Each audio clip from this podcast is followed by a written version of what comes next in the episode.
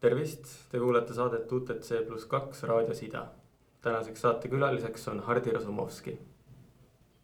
mm. -hmm. see olen mina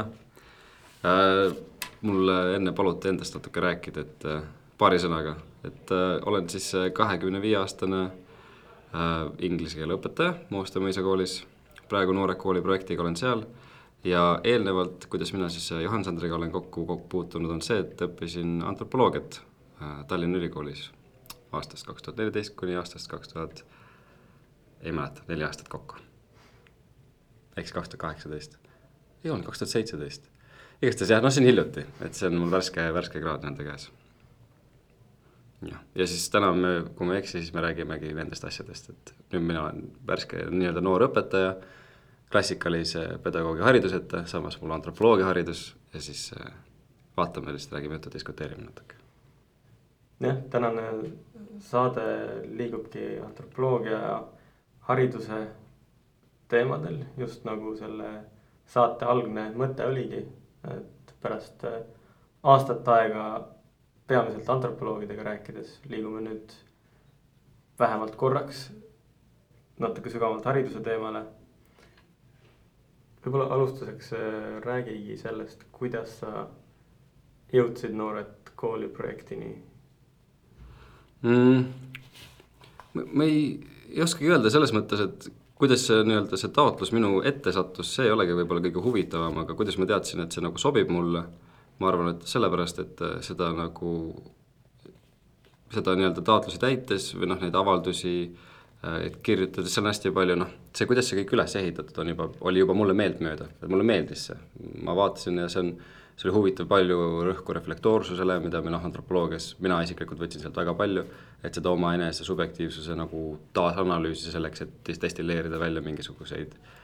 arusaamisi jällegi millegi kohta, kas enda või teiste või selle keskkonna. et seda, see on minu jaoks antropoloogia isegi üsna suur olemuslik osa ja Noored Kooli kuidagi kannab, kannab neid väärtuseid edasi, et ta on üsna niisugune nagu ka palju aktiivõppemeetodeid ja diskussiooni ja niisugust nagu noh, nii-öelda, et mis haridus võiks olla, eks ju, või kuidas tahetakse, et millised tuleviku inimesed oleksid avatud ja suhtlejad ja oma peaga mõtlejad ja noh, et seda on hästi palju seal. Ja siis seda programmi nagu läbides või kandideerides ja erinevaid etappe tehes, et noh, seal on mingid proovitunnid, pead andma koolis ja käima vaatamas ja nii, et tegin neid asju ja siis kuidagi noh, see lihtsalt oli õige nagu, et seal ei olnud ühtegi niisugust lippu, et ei, see on vale ja kõik pigem oligi just selle poole, et et see on nagu niisugune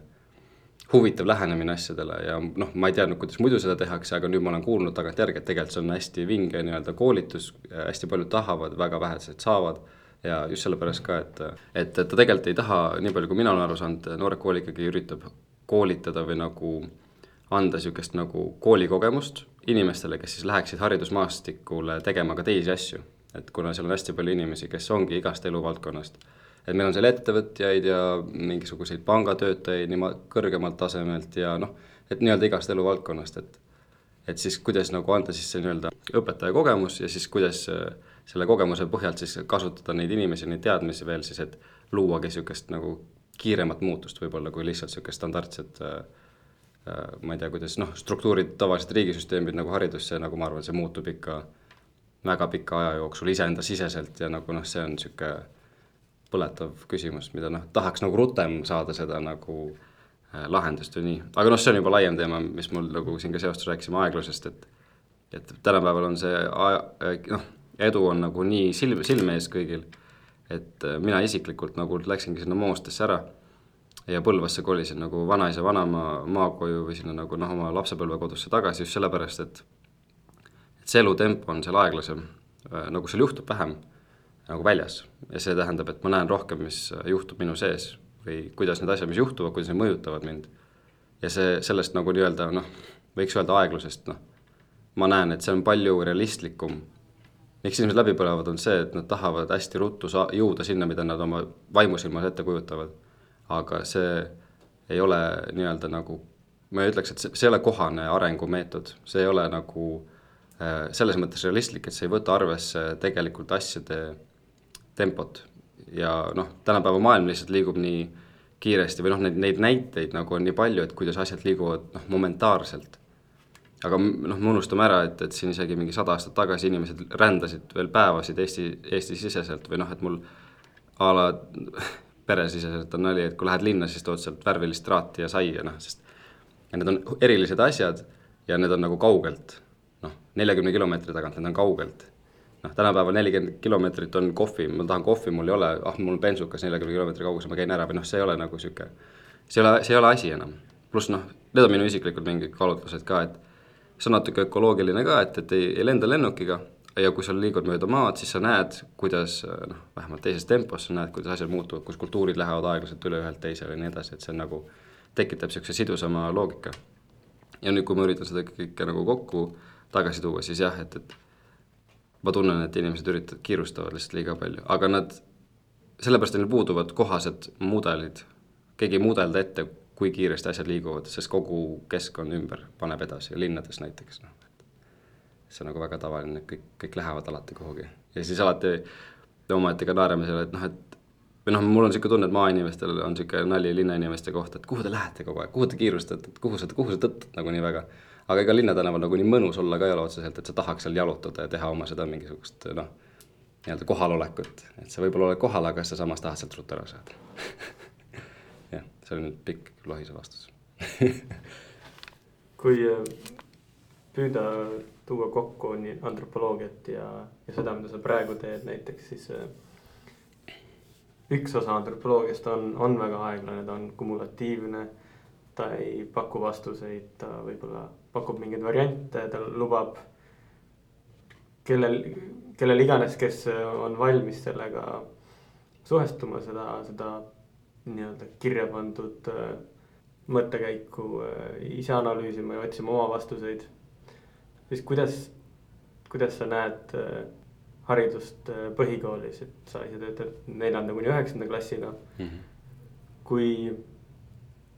mida see pakub õpilastele või, või kas sa oled mõelnud, kuidas ta näiteks valmistab ette neid äh, ülikooliks või, või tööks? jah, no see on väga huvitav küsimus, väga mitmetahuline, ma võtan mingid osad, mis mind nagu, mis mulle kõrva jäid, et äh, et, et, et antropoloogia, ma ei usu, et on nagu nii-öelda elustiil nagu kõigile. et see on ikkagi nagu mingi mõtlemise, aga sa väga hästi ilusti ütlesid, mulle isiklikult väga meeldib, miks võib-olla läksingi õppima seda, et vastuseid ei ole tegelikult. Et see on mingisugune asi, mis noh, võib-olla ei ole väga praktiline, see ei ole nagu töökohal, see ei aita sul saavutada midagi nii-öelda otseselt ilmselgelt, aga samas see mõtteviis, et vastuseid ei ole, on väga hea viis näiteks äh, vabaduseks. Ja ma arvan, et seda on nagu, kui tuua seda haridusse, seda nagu siis, kui hariduses on õpilastel võimalus või lihtsalt inimestel, kui me õpetame inimestele, et neil on vabadus, neil ongi vabadus, see ongi kõik, et nad ei pea alati jõudma kuhugi ja tegelikult noh, see seisukoht, et elus ei olegi ühtegi kindlat vastust ja kuidagi nagu natuke leida rahu sellega, et, et tegelikult äh, meie aju on nii nagu selles suures mõt-, mõttes või mõõtmes on nagu nii väike, et ükskõik, mis vastus meil on, see on alati mingisugune nii-öelda nagu sim-, see on nagu mingi mudel päris maailmast ja kui see mudel nüüd veab alt, mis me siis teeme sellega? Ja, ja see nagu rõhutab ka seda võib-olla läbikukkumist või ebaõnnestumist, et, et kui ma ebaõnnestun, kui ma noh, mis paratamatult tegelikult noh, ühegi inimese pähe ei mahu kogu maailm ja vastus, noh, et, et, et kui ja see on, see on, see on, see on huvitav küsimus jah, ma täpselt ei, ma arvan ikkagi, et see on kuidagi nagu see metodoloogia, see on nagu see noh, et, et kuidas antropoloogia nagu hariduses võiks olla, kuidas, ja see on jällegi keeruline, sest äh, praegu noh, mulle jäi siit jäi kõlama see, et, et ei ole nagu ühtegi kindlat vastust, et see on nagu see uurimise meede, minu jaoks antropoloogia on väga tugevalt ka subjektiivsuse rõhutamine. Äh, ja seda taaskord noh, see on minu enda isiklik seal kusagil Noore Kooli mingi taotluses ka nagu niisugune välja öeldud väide või asi, mida ma ise usun ka et äh, mina tegelikult tahaksin nii-öelda, ma noh, koolitada või ma tahan anda väärtust, et tuleb mõelda oma peaga. ja taaskord jällegi see nagu minu jaoks tähendab oma subjektiivsuse uurimist ja mida see tähendab üldse oma peaga mõelda, et kes, mis on minu pea. noh, sest inimesed ju vahetavad informatsiooni kogu aeg, eks ju, et sa mõtled küll, et sa käitud endast lähtuvalt, aga tegelikult sa võib-olla täidad kellegi teise soove. et oleks nagu see, see punkt ka sealjuures et mis on minu subjektiivsus, mida see tähendab, et mul on subjektiivsus ja kuidas ma saan seda ära kasutada oma elu nii-öelda nagu teadvustamisel või siis äh, informeerimisel. Ehk siis jah, oma peaga mõtlemine. ja kui sa juba teadvustad oma subjektiivsust, siis sa tead, et sa oled teisest subjektiivsusest eraldi. Äh, ja seeläbi see noh, avab ka mingisuguseid nagu nii-öelda äh, mõtteavenüüsid või noh, käitumise ja reaalsuseid, mida võib-olla varem seal ei olnud, et sa saad võib-olla välja kusagilt või. Aga taaskord, kuidas seda nüüd praktiliseks teha, jällegi, mis on üks antropoloogia omadus, kunagi hiljem vaatasin järgi ka, siis kui ma kandideerisin, see mind isegi nii ei huvitanud, aga antropoloogia, kui ma ei eksi, on liberal arts. ta on noh, ta on, ta on tõsiselt humanitaarteadla-, teadus, ta on nagu interdistsiplinaarne humanitaarteadus, et kui sul on nagu ütleme, niisugused nii-öelda humanitaarained, siis ta on veel nende vaheline, noh, omakorda humanitaaraine nende kohal nii-öelda, ehk siis ta on nagu hum-, üdinisti. Humanitaar ja sellel ei ole nagu sellest nii-öelda noh, okei okay,, seal on koolkondlikke erinevusi asju, aga aga lihtsalt, et et see taaskord, et see nagu informeerib mõtlemist või see annab jällegi mingisuguse uue nüansi mõtlemisse või inimese olemisse, kuidas ta kõike teeb. et, et äh, ma ei, noh, ma arvan, et inimesed noh, kui antropoloogiat nii-öelda tehniliselt haridusena ei oleks, inimesed noh, oleks ikka tööturul, nad saaks tööd, aga samas võib-olla, kui neil on nüüd need nii-öelda erinevad noh, minust on nii-öelda läbi käinud need erinevad nagu teooriad, ideed ja nagu suhestumised maailmaga, nende võimalikkus ja nii-öelda veel koolkondlikul tasemel ja see on legitimiseeritud veel mingi institutsioonide poolt, et see võib-olla annab ka mingisugust noh, see on nii raske on ju näpp, minul on isiklikult nii raske näppu peale panna, mis siis minust on antropoloogia, mis ei ole eriti kui võtta arvesse veel, et ma täpselt ei tea, mis asi antropoloogia on. ma küll käisin seal, ma tegin seda, ma lugesin seda, mulle väga meeldis see, aga lõpuks ma nagu ei läinud magistrisse kohe edasi, sest nagu mul on vaja veits nagu seedida, et mis, kuhu see siis nii-öelda apply ib või kuhu see nagu kehtestub. Aga jah, ma arvan, et siin mingisugused need võtmesõnad on nagu, et iseseisev mõtlemine, oma subjektiivsuse teadvustamine, enese lihtsalt nagu mõistmine ja noh, tööturg versus siis see veel, et milliseid inimesi me üritame kasvatada, mis on hariduse eesmärk, sest noh mina tegelikult arvan, et mina inimesena, kahekümne viie aastase noore mehena saan võib-olla pakkuda äh, mingisuguseid näpunäiteid oma elukogemusest. Need elukogemused võib-olla ei saa nagu tööd sulle anda, küll aga nad võivad sulle aidata sinu end-, sind ennast mõista, noh, me inimestena aitame üksteisel üksteist mõista. et mina olen tugevalt haridus, usun, et haridus võiks olla ikkagi ka inimkasvatus nii-öelda, kuidas olla inimene, mitte ainult see nii-öelda tööturu Äh, ma ei tea, järeltulijate kasvatamine, mis iganes. eriti veel tänases maailmas, kus noh, kahekümne aasta pärast eksisteerivad töökohad ja asjad, mida noh, mina ei kujuta ettegi, mis olemas on ja tõenäoliselt lapsed on kõige ajakohasemad asjad üldse. Nemad nagu võib-olla oma huvi läht-, huvist lähtudes tegelikult loovadki tulevikuühiskonda ja nemad peakski minema oma huvide järgi. ja siia tuleb jälle siis oma subjektiivsuse tähtsustamine, oma mõtlemise kasutamine, oma huvide nagu see, et ma ei tee seda, mis on tehtud, vaid et ma nagu uurin neid uusi nii-öelda avenüüsid Mm, mida siis saab kasutada. Äh, mis taaskord, ma arvan, et lähevad rohkem tehnoloogiasse, rohkem kui võib-olla vanad, vanadele inimestele meeldiks, nemad jäävad nagu maha kuhugi, eks ju. aga noh, ja seal ongi, et mina ei anna või õpp-, hari-, õpetajana ma ei arvagi, et ma saan nagu öelda siis, kuidas nii-öelda, kuidas sa füüsiliselt pead liigutama ja kuidas need asjad käivad. küll aga võin anda sulle subjektiivsuse, millega sa võib-olla suhestud maailmaga kuidagi ütleme helgemalt või nagu heatahtlikumalt ja ma arvan, et noh, et heatahtlikkus on ka üks tänapäeval niisugune väga kandev joon, et noh, et, et ühiskond alati liigub nagu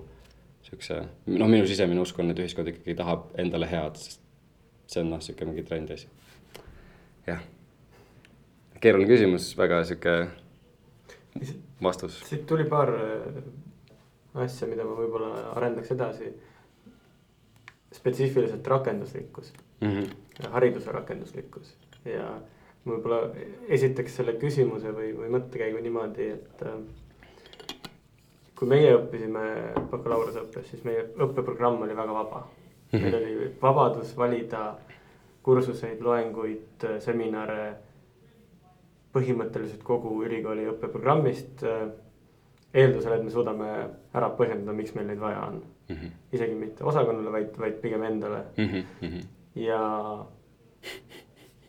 kas me teadsime, milleks me seda teeme, ilmselt mitte, aga, aga kuhugi see meid viis. ja tulles võib-olla spetsiifiliselt sinu äh, selle juurde, mida sina õpetad, ehk siis inglise keel mm, -hmm. keeleõpe. Kuidas sa näed või kuidas sa rakendad selle õppe nagu kasulikkust või kas sa näed, et, et keeleõpe saab aidata kellelgi mingi spetsiifilise eesmärgini jõuda või on ta üldine aine, mis, millel ei ole otsest väljundit mm, -hmm. nagu, mhm. nagu võib-olla mõni reaalaine mm -hmm. või mõni praktilisem, praktilisem äh, ala mm. -hmm. kuhu sa paigutaksid keeleõppe või kuidas sa näed keeleõpet üldse praeguses haridussüsteemis, et kuidas siin näiteks on õpetatud õpetama ja kuidas sina seda edasi annad nii-öelda mm. -hmm. no ma vastasin lõpule kõige esimesena, et, et et mind on õpetatud õpetama väga erinevaid moodi pidi. et, et öeldakse, et anna grammatikat et ära anna grammatikat ja võta see õpik ja võta too õpik ja ja nii edasi, edasi, et see on nagu niisugune up for debate, et kuidas, mis see noh, ja siis see taaskord söödab sisse, mis siis sealt saama peaks, mis seal siis nagu juhtuma peaks. Et siis siin tulevad ka isiklikud valikud märk-, mängu kindlasti mulle väga meeldib teemapõhine õpe, mis ei olegi, ei lähtugi õpikust, töövihikust, mis on kusagilt tulnud ja mis on ka mingid rahad taga ja kes toodab ja mis iganes, mis iganes. aga teemapõhine selles mõttes, et noh, õpilased õpivad neid osaoskuseid, äh, mis keeles on, et mingi kuulamine, kirjutamine, lugemine, rääkimine, noh neli tükki, need katad ära, siis sa enam niimoodi õpidki keelt aga läbi erinevate teemade siis noh, et, et räägime nüüd äh, keskkonnast ja siis seal all sa räägid veel kaasaegsetest Amazonase vihmametsadest, kuidas nad põlevad, äh, kliimaprobleemidest, äh, siin võib-olla natuke seob poliitikat sisse, siis järgmisena lähedki ühiskonda, noh, et niimoodi nagu sead teemasid. et selline lähenemine mulle endale nagu meeldib, et kui rääkida teadmistest ja suhtlemisest siis äh, tegelikult mina tahaksin isiklikult, mina usun sellesse, et kui jõuda nagu sellesse punkti, kus sa saad selle keele nagu minetada mõnes mõttes, sest see keel muutub vahendiks selleks, et suhelda tähtsatest asjadest, sest tegelikult nii kinnitab see keel veel rohkem, et kui sul, kui sa päriselt nagu oled enda sees ja mõtled, et mis ma arvan nendest asjadest, ja kui sa üks hetk enam ei pea mõtlema, mis sõnu sa kasutad ja kuidas, vaid sa lihtsalt väljendad ja suhtled ja räägid ja siis samas sa oled nagu noh, selle mingi taseme kätte saanud läbi siis grammatika ja sõnade õppimise ja mingisuguste lauseloogikate. et sa võib-olla räägid, sa võib-olla räägid isegi grammatiliselt vigaselt, aga su mõte on selge, arusaadav, siis see on tegelikult see koht, kus saab tegelikult keele, nii-öelda inglise keele tunnis teha nagu noh, hämmastavaid asju, sa võid põhimõtteliselt ükskõik mida teha. sest sa juba tegelikult oma, kasutad seda keelt, sa kasutad seda suhtlemist aga sa võid rääkida sellest, mis seda inimest just huvitab. Ja tegelikult see ongi nagu see, miks ma rääkisin ka noh, oma arvamuse avaldamisest. Enne on see, et kui sa ei avalda oma arvamust, siis sa ei seo ennast sellega, selle keskkonnaga, noh, ja see on nagu üks kitsaskoht ka, mida ma näen, et noh, et meie, ma eile rääkisin sellest, arutasin oma emaga veel pikalt, et et tegelikult noh, et tema küsib, miks õpilased ei taha kooli minna. aga ma küsisin vastu, aga miks inimesed üksteisega bussis ei räägi noh, et seal on nagu natukene sarnased asjad, et miks on meie ühiskond selline, nagu ta on. ja need on need küsimused, miks me peame vaatama, see ei ole see, et mis koolidel viga on, mis lastel viga on, ei, miks on meie ühiskond selline, nagu ta on ja see ei ole nüüd etteheide, see on lihtsalt nagu noh, nentimus, et, et lapsed ju lihtsalt peegeldavad või noh, on see, mis on, nad sünnivad kuhugi sisse, nemad ei otsusta, et mina ei räägi teistega, see tuleb kusagilt. et, et siis nagu rohkem jah, sellist mina nüüd nii-öelda edumeelne noor siin ülikooli haridusega välismaal reisinud, värk-värk, et noh, mina nagu natuke julgen rohkem rääkida, eks mina ka nagu noh, hoian nagu tagasi ikkagi, sest ma elan siin keskkonnas, suhestun sellega, aga samas siit tuleb üks hästi huvitav asi, mis minule väga tegelikult meeldib, on suhtlemine ise. Öeldakse et, et üheksakümmend viis protsenti suhtlemist ei ole verbaalne. noh, et kui ma lähen inglise keele tundi, siis tegelikult kas ma siis õpetan seda viite protsenti või? tegelikult ma tahaksin õpetada seda sada protsenti, kuidas suhelda inimestega aga see on nagu eriti veel lastega on hästi keeruline nende emotsioonide ja nende noh, et kuidas nad ennast tunnevad ja teavad ja siis tulevad kõik juurde need võib-olla, kus antropoloogia aitab, on see subjektiivsus ja siis selle nagu teadvustamine ja seda saab läbi erinevate meetodite, nagu näiteks päeviku kirjutamine, lugemine, äh, noh, et, et kir-, no küsime, ma ütlen, et kirjutame nädalast. küsivad, kas inglise keele tunnis või? ei, lihtsalt kirjutame nädalast ja siis nad jäävad täiesti jänni, et kirjutad kaks lauset ja ma, ma ei tea, mis ma tegin, mis ma ütlen, ükskõik mida, sõitsid rattaga, ronisid puu otsa, nägid, ema tegi head süüa, noh, kirjuta, mis sinu sees on, kirjuta sellest välja, et hakata seda protsessi nagu pihta, aga see vajab harjutamist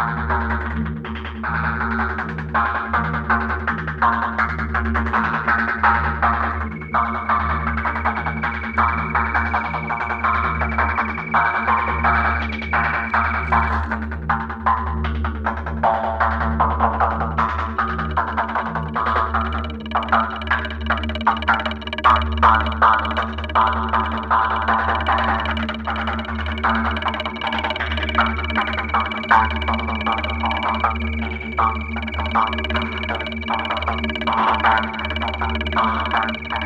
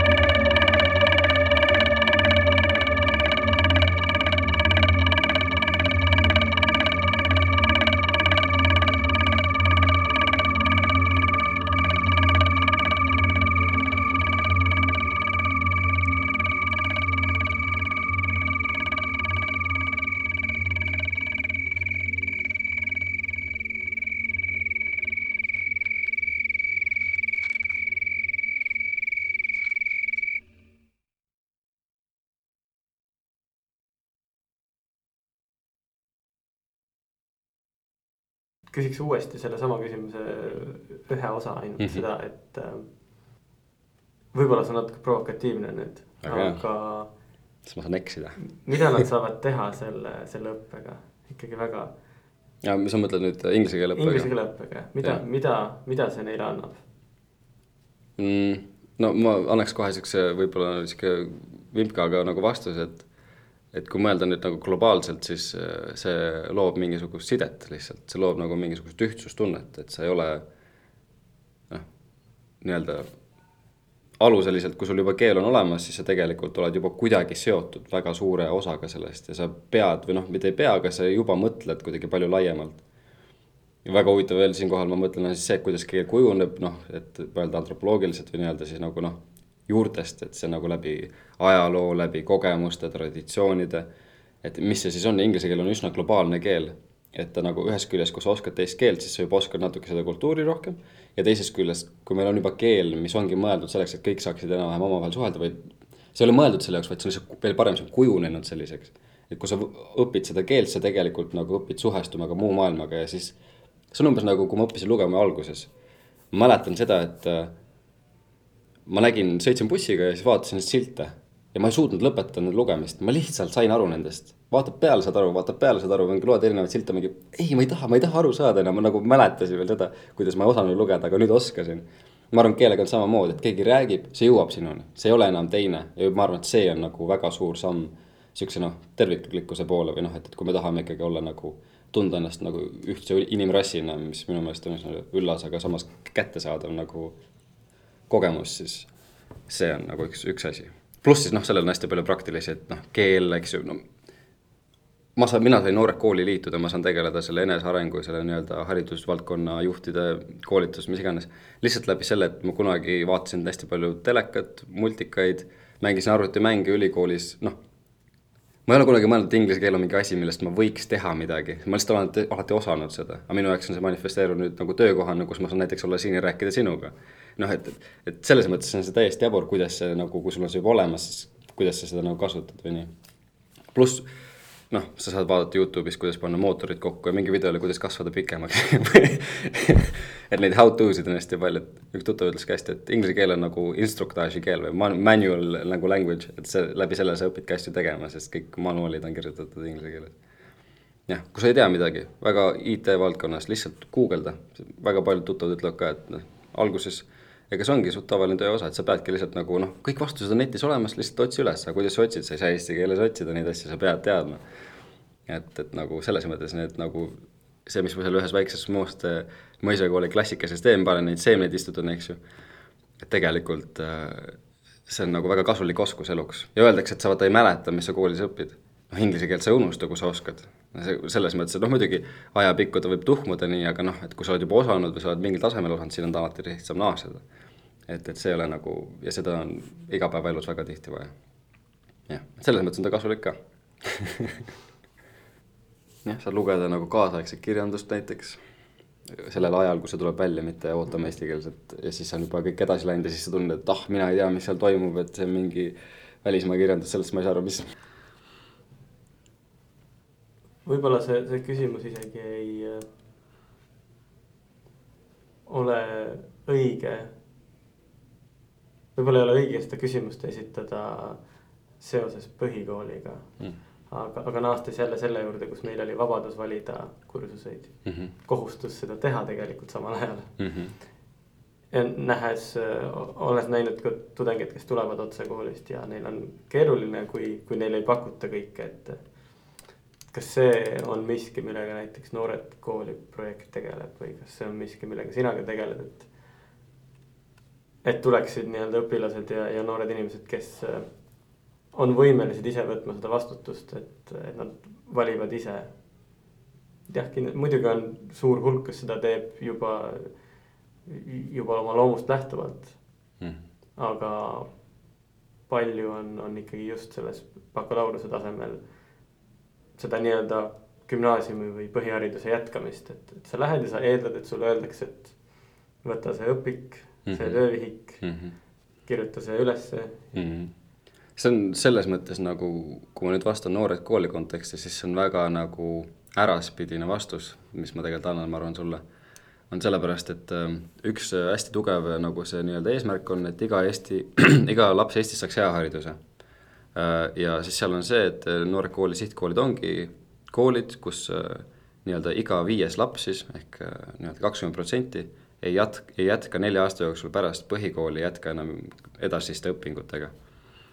et, et sellest, sellest küljest nagu ma, meid saadetaksegi koolidesse, kus selle eesmärgiga, et, et saata või mitte saata, aga tekitada õpilastesse õppimise ind, et nad läheks edasi õppima. aga noh, nüüd, nüüd ma panen oma mõtted siia juurde, et aga, aga meil ongi just ju see, ma ei tea, kas noh, tendents, et inimesed lähevadki õppima automaatselt edasi. Et selle koha pealt on see jällegi murekoht, et inimesed tunnevad, et nad peavad läbima noh, et räägitakse kraadi devalveerumisest, et sul vaja magistrit, et üldse olla keegi enam aktiivne tööturul et, et kuidas siis see nagu see noh, just, et see teadliku nagu noh, et aga mida ma päriselt elus teha tahan. et või et äkki ma teen kaks aastat ikkagi pausi peale põhikooli, kui ma tõesti ei tea ja siis otsustan või peale keskat tegelikult teen pausi või noh, mina tegin peale, lõpuks mina tegin, nüüd teen seda pausi peale bakalaureust, et kus ma ikkagi mõtlen, et oh, tegelikult äge, äge on õppida, aga natuke ootan veel kogu mõtteid seedida, mis ma päriselt teha tahan. et äh, isiklikult mina tegelikult ikkagi pooldan ka seda, et kui õpilane ei taha minna edasi õppima, siis ta ei pea mina annan talle nii-öelda, noh, minu eesmärk ongi anda see nagu mõtteviis, kindlus endas. Ja siis nagu, kui sa ei tea, siis see kindlus, et sa katsetad, sa proovid erinevaid asju, see ei pea olema see, mis sulle öeldakse, vaid katsetad seda, mis sulle võib-olla tundub õige. ja just otsida üles see, mis sulle õige tundub, läbi siis nii-öelda noh, enese lahti kirjutamise, päeviku pidamise ja nii edasi. et mina isiklikult nagu just tahaksingi luua jah, selliseid äh, olukordi, situatsioone, inimesi, kes äh, valivad teadlikult asju. ja, või kui nad valivad midagi, siis nad kasutavad seda mak-, maksimaalselt, et nad lihtsalt ei lähe inertsist nii-öelda kaasa. Äh, et jah, aga nüüd nii-öelda sellest noore kooli poole pealt, äh, nemad, nendel otseselt sellist nagu eesmärki ei ole, et seal on ikkagi noh, et, et pragmaatilised väärtused ikkagi, et kui sa saad oma need hariduse kätte, sul on lihtsam ühiskonnas hakkama saada, on väiksem tõenäoliselt sotsiaal, sotsiaalselt tõrjutud, haridusega kaasnevad ka noh, nii-öelda enese nagu aju, kõrgemate ajufunktsioonide areng ja edasine treenimine ja nii edasi, edasi, et see nagu aitab elus kindlasti hakkama saada. Aga lihtsalt, et kui, kui kaua see inimene nii-öelda otsib siis või millal ta nagu hakkab nagu nii-öelda kuulama oma südame häält või noh, et, et need romantilised lood, et läheb puussepaks või noh, nikerdab, teeb kätega midagi või noh, aga tegelikult seal on nagu süda sees või nagu mingi põhi, põhi on all. Ja mina nagu tegelikult, kui mõelda, siis see peaks, natuke emotsionaalne sihuke haridus ka olema või noh, et ta peab nagu õpetama oma nende nii-öelda noh, et, et armastus on nii-öelda tunne et sa võib-olla tunned ja kuidas sa siis otsustad selle tunde põhjalt, et, et mida ma siis, mida ma armastan, mille tegemist ma armastan, mida ma peaks tegema. noh, see vabadus valida ja siis sattuda täiesti suvalistesse kohtadesse ja panna sellest kokku oma haridus nagu, et see tegelikult nagu mõnes mõttes on nii täiuslik selle nagu antropoloogia mõttes ka, et sa lähedki sinna, mis tõmbab ja teed seda, mis huvitab ja võtad, mis sind kõnetab ja nagu, aga oled kohal, et sa nagu ei lase lihtsalt, noh, et inimesed tavaliselt, kes seal olid, need, kellele ei meeldinud, vajusidki ära, aga need, kes jäid, jäidki ja tegidki neid veidraid asju, et mulle hullult meeldib see, see tunne meeldis, et me oleme Ida-Euroopas ja me saime rääkida nagu sellest nii-öelda sotsiaalantropoloogiast ja me saime neile vastu rääkida. saime rääkida nagu noh, speak back to the nagu power või nagu seda, et me saime nagu olla nagu nii-öelda see fringe või see nagu ääreala antropoloogia, et me saime tegelikult natuke olla ikkagi noh, siin Ida-Euroopa oma selle ajalooga. puudus lihtsalt on õpetajate järgi ja kooliharidus kestab neli aastat ja noh, siis sul tekivadki nii-öelda loomulikul turul tekivad siis pakkujad, kes nagu annavad mingisuguseid meetodeid, nii-öelda alternatiivsed branch'id, mis juhivad nagu ka ressursse, eks ju, kui see peamine ei tööta. Lähenedes siis intervjuu lõpupoolele, võtaksime viimaseks teemaks äh, lähtudes projekti noorte, Noored kooli esimesest sõnast, siis äh, sellest, äh, mida tähendab olla noor koolis kuidas sa näed ja kuidas sa suhtled näiteks nii-öelda vanade olijatega jutumärkides. või ka sõna otseses mõttes vanem, vanemate õpetajatega. ja võib, võib ka seda ühendada ülikoolisüsteemi juurde, kus, kus nagu me teame, on, on nii-öelda vanad professorid ja mentorid ja gurud on. jah, nad on väga suures aus, aga vahel ka liialt nii-öelda esile tõstetud ja, ja kõrgendatud. et kuidas sa näed seda, seda suhet nii-öelda, nimetame siis vanade ja noorte vahel mm.? koolis, see on natuke nagu see valge mehe sündroom, et sa ei saa nendest privileegidest hästi aru. mul on see nagu, mina olen seal suht keskel, et ma olen noor mees äh, koolis ja siis mulle öeldakse, mul on hästi palju mingeid privileege mina lihtsalt tunnen, mul läheb hästi ja siis mulle öeldakse, et ei, see ei ole nagu, see ei ole loomulik, vaid et see on sinu privileeg. ehk siis ma pean kuidagi selle noh, mingil määral nagu vastu võtma, et aktsepteerima, et see on see, kuidas mind nähakse ja ju siis mingil määral see niimoodi on ka. et, et ja siis ongi keeruline, et mina, mulle meeldib mõelda, et äkki ma olen muhe inimene, äkki ma olen nagu tore, äkki ma nagu hoolin ja üritan ja pingutan ja tahan suhelda näiteks lastega ja seetõttu ka seal tekivad mingisugused positiivsed asjad. et ma ennast kõrvalt ei näe aga no olla noor inimene koolis on nagu, tegelikult on nagu äge. mulle väga meeldib. Äh, juba sellepärast, et noh, sa oled selle süsteemi või keskkonna poolt üsna hoitud, vähemalt mina olen, et noh, et minu kool on nii-öelda, ütleme nii, käitub targasti või noh, ma olen kuulnud lugusid, kus ikkagi ei, ei hoita, antakse kohe hästi palju koormust ja nii, võib-olla see on noh, mis iganes, millest tingitud, aga, aga et mind, mina olen hoitud ja seetõttu ma tahan ka sinna jääda. kes mind hoiavad just ongi nii-öelda, nii-öelda need vanemad olijad siis, nii-öelda lihtsalt kauem töötanud ja lihtsalt siis nii-öelda vanemad inimesed. mis see hariduses on, kui ma ei eksi, viiskümmend viis on keskmine õpetaja vanus koolis, no meil on nelikümmend neli, et meil on nagu isegi väga hästi. et noh, kui mõelda, viiskümmend viis on keskmine vanus, no see on jah, kõlab nagu vanade inimeste maa või sihuke, see selles mõttes juba, et see on pigem seal juba kuuekümnele lähemal kui, kui kolmekümnele. et, et, et ja kellega nagu lapsed suhtlevad ja kuidas ja mis toimub. aga aga, aga, aga jah, et, isiklikult ma olen hoitud, ma ei, ma ei oskagi öelda selles mõttes, et ei ole nagu, ei olda üleolevad, seda nagu ei ole, et, et et, et mina, mis ma siin noor ikka nii, palju on seda, et nagu loomulik, et noh, et sa oled uus, et sa veel noh, elad sisse, et sa oled natuke naiivne, et, et isegi mul nii-öelda äh, eakaaslane ütlesin, et noh, et teisel aastal ma ei ole enam nii naiivne, et, et seal on ka mingisugused asjad alustamise juures. aga rääkides ka sellest veel noh, ülikoolis ma natuke ise olen sellest mängust nagu eemal olnud, seda ma nii hästi ei tea, aga nagu gurudest rääkides lihtsalt mulle noh, noored kooli pakuvad meile mentorit ja siis mul on koolis on mentor või noh, erinevate nimedega tuutorid ja mentorid. aga mina isiklikult oma elus ikkagi tunnen, et kõige rohkem ma ei ole kohanud väga siukseid inimesi, siukseid võib-olla karismaatilisi siukseid juhte või või keda, keda ma tunnen, nende väärtused kattuvad minu omadega ja rääkides siis guurudest, et see no, läheb natuke rohkem minu enda isiklikku sihukesesse teekonna mõttesse ka, aga noh, mina olen kuulnud noh, et tänapäeval on nagu kõik on šamaanid, et ei ole enam, ma ei ole kohanud kedagi sellist, kes nagu võtaks teisi inimesi oma nii-öelda hõlma alla, et tulge, ma näitan. et kõik räägivad, ütlevad lihtsalt otsi ise, et sa pead ise oma tee leidma ja see on nagu noh, võib-olla see on ka see nii-öelda individuaalsuse selle õpetamine kõik, et, et see mingisugused nii-öelda vood siin läbi ühiskonna võib-olla käivad, et nagu kuidas siis äh,, milliseid väärtusi vaja läheb või millest kinni võtta et, et jah, et, et äh, muidugi see noorte vanade asi, no mina olen nüüd kakskümmend viis, bioloogiliselt rääkides minu see otsmiku sagar nüüd lõpetas nagu arenemise ja nüüd ma peaks olema mõistuse koha pealt see, kes noh, bioloogiliselt mul on kõik, et ma enam midagi nii-öelda uut äh, looduse poolt antud ei ole, et nüüd ma pean nii-öelda ise kõik tegema. et see on nagu uus niisugune mängumaa, aga, aga muidu ma tunnen, et ma olen natuke nagu noh, ikka väike nagu niisugune, kuidas, kuidas seda öeldakse, et ma olen noor vana inimene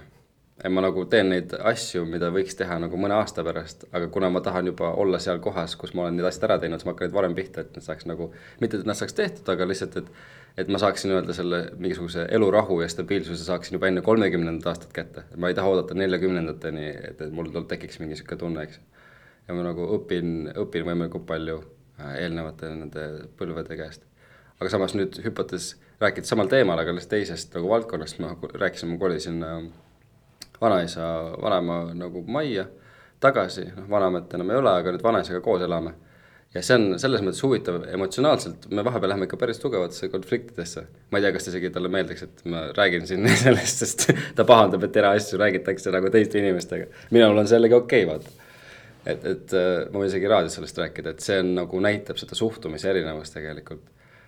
tema üks päev veel rääkis, et ta mäletab, kui ta väike poiss oli, et, et äh, esimene kord, kui ta elektrit nägi, oli siis, kui ta kooli läks.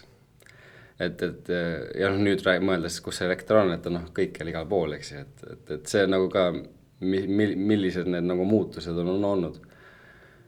aga noh, et saame suheldud küll, aga samas on ka palju seda noh, et, et on ka seda mittemõistmist ja siis on kuidagi selle mittemõistmise aktsepteerimist lihtsalt, et see on ka niisugune aga sellest tuleb omakorda mingi vaikus, et siis ei oska nagu edasi minna, et sul on nagu sihuke, okei okay,, me saame asjadest niimoodi aru, et me ei saa aru, kuidas teine aru saab. ja siin puudub meil ühine puutepunkt ja kuidas siis edasi. Õnneks ta on mu pereliige, et me saame noh, lihtsalt lähme igapäevaeluga edasi, et näe, et poest kala tõid, et noh, et, et see läheb nagu edasi, aga ma mõtlen laiemalt ühiskonnas, et et see võib olla mingi vaikuse koht ka, et kus siis see nagu dialoog jääb nagu soiku või kui seda emotsionaalset tur turvatunnet ei ole, et ma nüüd ei nõustu sinuga, aga kas see siis tähendab, et me ei saa enam edasi suhelda? et seda ma ise seal nii-öelda noh, tagasi kolinuna ka olen arutanud oma pereliikmetega, et et, et mina olen hullu arutaja, noh, tead, istun ja arutan ja räägin ja võin rääkida väitlusest ka, et võin rääkida seisukohtade eest, mida ma isegi nõus ei ole, need on lihtsalt sõnad mu suust ja mõtted mu peast, noh, mis ma lihtsalt töötlen läbi. aga, aga noh, kusagil seal ja siin tulevad jälle erinevad elemendid ka, et nii-öelda vanainimesed võib-olla linnas ja vanainimesed maal ja kus iganes, et et, et seal kuidagi on see, et kui sa ütled midagi, siis sa seisad selle eest. aga, aga noh, mina näen, et kui ma niikuinii ei tea väga hästi, mis maailmas toimub, ma muidugi ütlen asju, siis noh, mul on alati niisugune väike, võib-olla see on ka antropoloogia niisugune nõks, et et kõigele, mis ma ütlen, ma tegelikult tean, et kui keegi ütleb mulle, see pole tõde, siis ma olen päris suur ablas nagu aktsepteerima, kui ta tõestab ära, okei okay,, see ei ole tõde, noh. et ma ei, ma ei üritagi enam teha võib-olla tõeseid väiteid maailma kohta, et need kestaksid igavesti, vaid lihtsalt oma väidetega ma peegeldan maailma olekut praegu, nii nagu ma suudan seda kokku panna lausetesse ja see on juba, see on juba suhtlemine, et kuidas, kuidas see suhtlemine käib ja mis, kuidas seda mõtestada. Äh, jah, et minu elus on kõik asjad on väga nagu või vähemalt minu suhtlemisviisis on asjad kõik väga põimitud. et kõik on kõigega seotud äh, ja raske on eraldada midagi lõpetuseks ühe väga lihtsa ja labase küsimuse. mida, mis on kõige olulisem asi, mida sa, mille sa õppisid ära või mida sa õppisid või mille sa said antropoloogiast? et äh, see ongi tõde, minu subjektiivsus ongi tõde. ta ei ole nüüd, nagu ma ütlesin, ta ei ole ülim tõde, aga see on, ütleme, noh, paneme ka tõde. et, et minu, noh, et, et kogemus on aus. alguses tuleb läbi selle, et sa uurid teisi inimesi, nad räägivad sulle noh, et mis siis ikka päriselt toimub seal, aga keegi ütleb sulle, et see on niimoodi. ja kui sa nagu noh, ja siis sa teed mingi pikk, pika põhjaliku analüüsi, et kui ta ütleb nii, mis see siis tähendab. aga lõpuks võid ikka selle juurde välja jõuda, et kui see inimene arvab, et ükssarvikud on olemas, siis ükssarvikud on olemas tema jaoks. ja see ei ole mingi väide nüüd noh, ja see, et see on tema jaoks olemas, ongi tõde ja siis nüüd peegeldades seda endale tagasi mida mina tunnen, on tõde. ja siis, kas ma olen sellega rahul või ei ole, see on juba minu probleem jah. aitäh saatesse tulemast, te olete kuulanud saadet UTC pluss kaks, tänaseks saatekülaliseks oli Hardi Razumovski.